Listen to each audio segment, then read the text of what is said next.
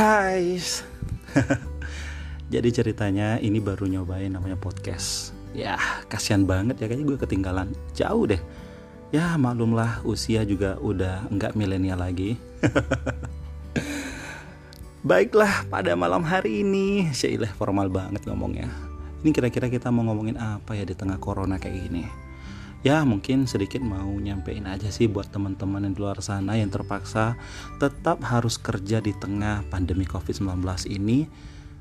Tetap harus hati-hati karena ya kita nggak tahu di luar sana tuh seperti apa kondisinya dan COVID ini nggak kelihatan.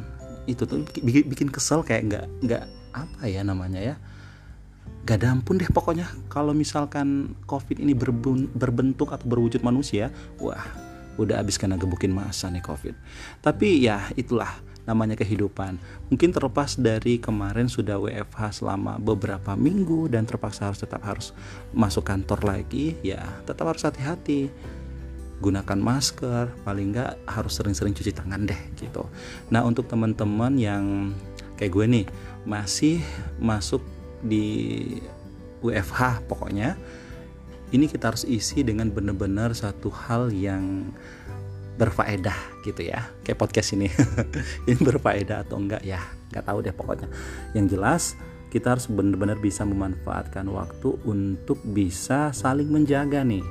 Karena ya kalau kita di rumah dengan adanya WFH ini kaum kaum rebahan itu bisa jadi penyelamat. Nah itu dia.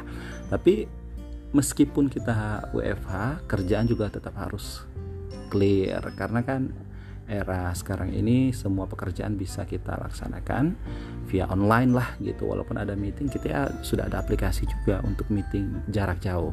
Meskipun demikian rasa bosan tentunya ini tidak akan hilang ya. Membunuh rasa bosan itu adalah PR banget pokoknya tapi kita tetap harus bisa bersyukur. Kita yang masih memilih pekerjaan baik itu yang masih WFH ataupun sudah harus masuk kantor lagi atau masuk kerja lagi tetap kita harus syukuri. Karena di luar sana banyak sekali saudara-saudara kita teman-teman kita yang terpaksa harus dirumahkan.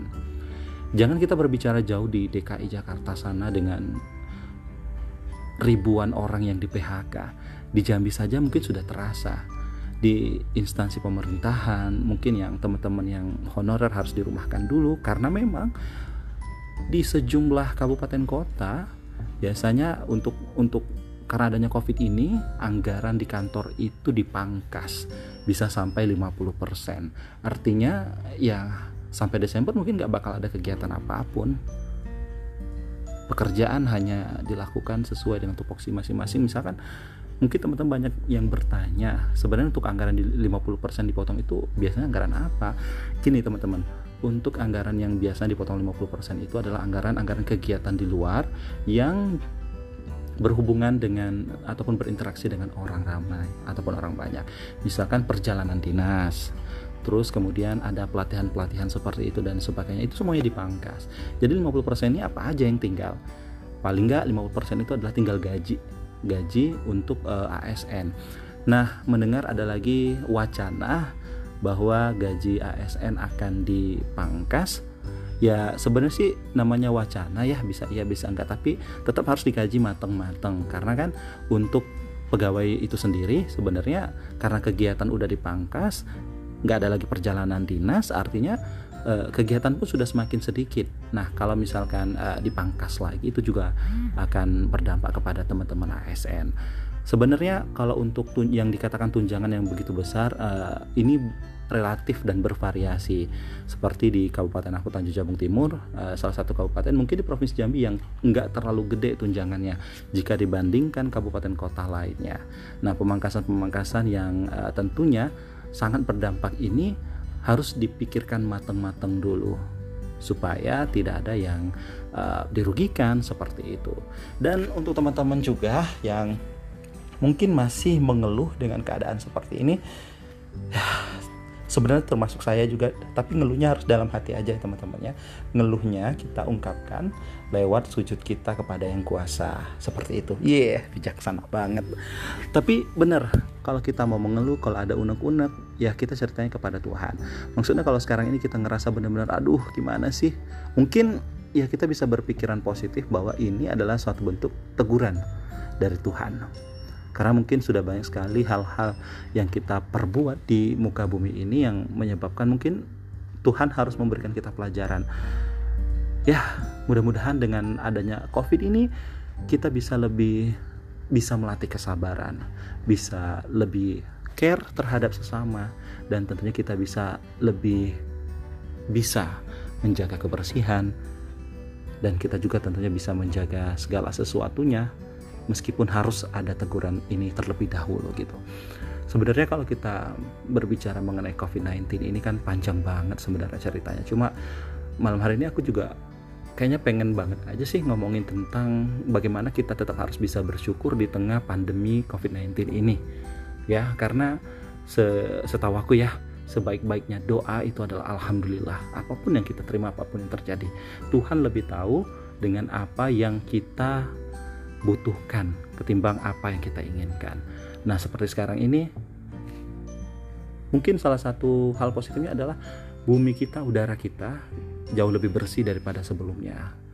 Ya, seperti itulah. Dan sekarang kita juga bisa menjaga jarak sesama. Itu maksudnya gini, uh, interaksi kita kita jarakkan. Bukan bukan berarti kita harus nggak nggak menyapa sama sekali. Bukan seperti itu. Tapi kita juga harus bisa menjaga diri agar benar-benar uh, virus ataupun COVID-19 ini nggak hinggap di diri kita gitu kayak cicak ya hinggap ya. Tapi ya lebih rese dari cicak lah pokoknya. Karena nggak kelihatan lagi. Yang jelas bagaimanapun itu kita tetap harus bisa bersyukur. Ya walaupun itu berat tapi di sinilah saatnya kita harus bisa belajar bersyukur. Karena pada hakikatnya yang kita alami ini tentunya ada yang lebih tidak baik ataupun ada yang lebih buruk dibandingkan kita. Jadi artinya kita masih masih tetap harus bisa bersyukur gitu. Apalagi untuk teman-teman kita pejuang pejuang-pejuang garda terdepan COVID-19 di petugas kesehatan seperti dokter, perawat dan sebagainya. Bayangin mereka nggak pulang hanya demi untuk merawat pasien COVID-19 di mana mereka juga harus mempertaruhkan nyawa mereka. Artinya kita tetap harus bersyukur. Ayo dong kita bantu semuanya dengan stay at home. Di rumah aja yang nggak berkepentingan jangan keluar. Ini dijamin ya sampai sampai dengan hari ini. Kemarin kemarin aku terpaksa keluar untuk nyari uh, apa ya obat bapak sih sebenarnya di apotik. Pas aku keluar dong ini ramenya wow. Nggak tahu kenapa ya uh, tapi kita juga nggak bisa menyalahkan siapa-siapa karena memang pedagang butuh berdagang untuk mendapatkan uang kayak gitu. Dan masyarakat sendiri butuh um, mencari makanan. Mencari makan itu maksudnya dia harus ya mungkin pegang uang tapi kan uangnya harus dibelanjakan kayak gitu. Nah artinya ya gimana? Semuanya serba salah. Apalagi katanya ada ada imbauan lagi bahwa bus bus ini nggak di lockdown lagi. Jadi beberapa bus juga bisa beroperasi. Ini agak agak membingungkan. Di tengah larangan mudik tapi akses transportasi kembali dibuka. Wow mungkin ada teman-teman yang bisa menjawab hal itu tapi ah, ya mudah-mudahan ada solusi yang tepat lah untuk kita semua agar kejadian seperti ini nggak berlanjut. Yes mungkin ada yang sepemikiran nama gua bahwa kita udah capek banget tinggal di rumah. Tapi ada aja oknum-oknum nakal yang kalau kalau kata orang Jambi itu namanya OSK orang sok kebal. Nah tuh perhatiin deh. Kalau misalkan teman-temannya baru pulang kerja tuh perhatiin di jalan banyak banget orang yang berkendara tanpa menggunakan masker. Even kita mungkin dalam keadaan sehat tapi kita nggak tahu apa yang akan terjadi. Kita nggak tahu di udara. Nggak kelihatan bro sis kalau emang kelihatan itu bisa kita lepeh bisa kita semprot pakai desinfektan tapi ini nggak kelihatan gitu. Masuk ke ke hidung terus hinggap di bulu-bulu hidung kita gimana? Terus kehirup deh masuk ke dalam. Ya. Mau gimana coba? Tapi ya ya udah sih. Yang jelas bagaimanapun keadaan ini akan terjadi kalau kitanya sendiri bandel ya susah kayak gitu. Jadi kita juga harus tetap care dengan diri kita sendiri. Kalau misalkan kita nggak peduli dengan orang lain ya udah kita pedulikan dengan diri kita sendiri dengan dengan dengan tidak tidak apa ya namanya dengan tidak ke mana-mana deh pokoknya. Kalau misalkan kita kitanya sendiri nggak peduli ya gimana COVID-19 ini bisa akan berakhir? Mudah-mudahan ada solusi segera karena memang kasihan teman-teman yang terpaksa harus dirumahkan atau bahkan di PHK karena COVID-19 ini karena memang ya perusahaan sudah tidak beroperasi lagi disebabkan pandemi COVID-19 ini. Semoga dengan ini kita juga bisa melatih kesabaran kita, kepekaan kita terhadap sesama dan kepedulian kita terhadap sesama. Dan tentunya kita bisa sama-sama menjaga bumi kita bukan hanya dari COVID-19 tapi dari segala jenis bentuk virus. Segala bentuk virus yang mungkin akan merusak kita semua. Oleh karena itu ya jaga diri baik-baik, jaga keluarga, dan stay at home. Saya Randi Angelo, terima kasih.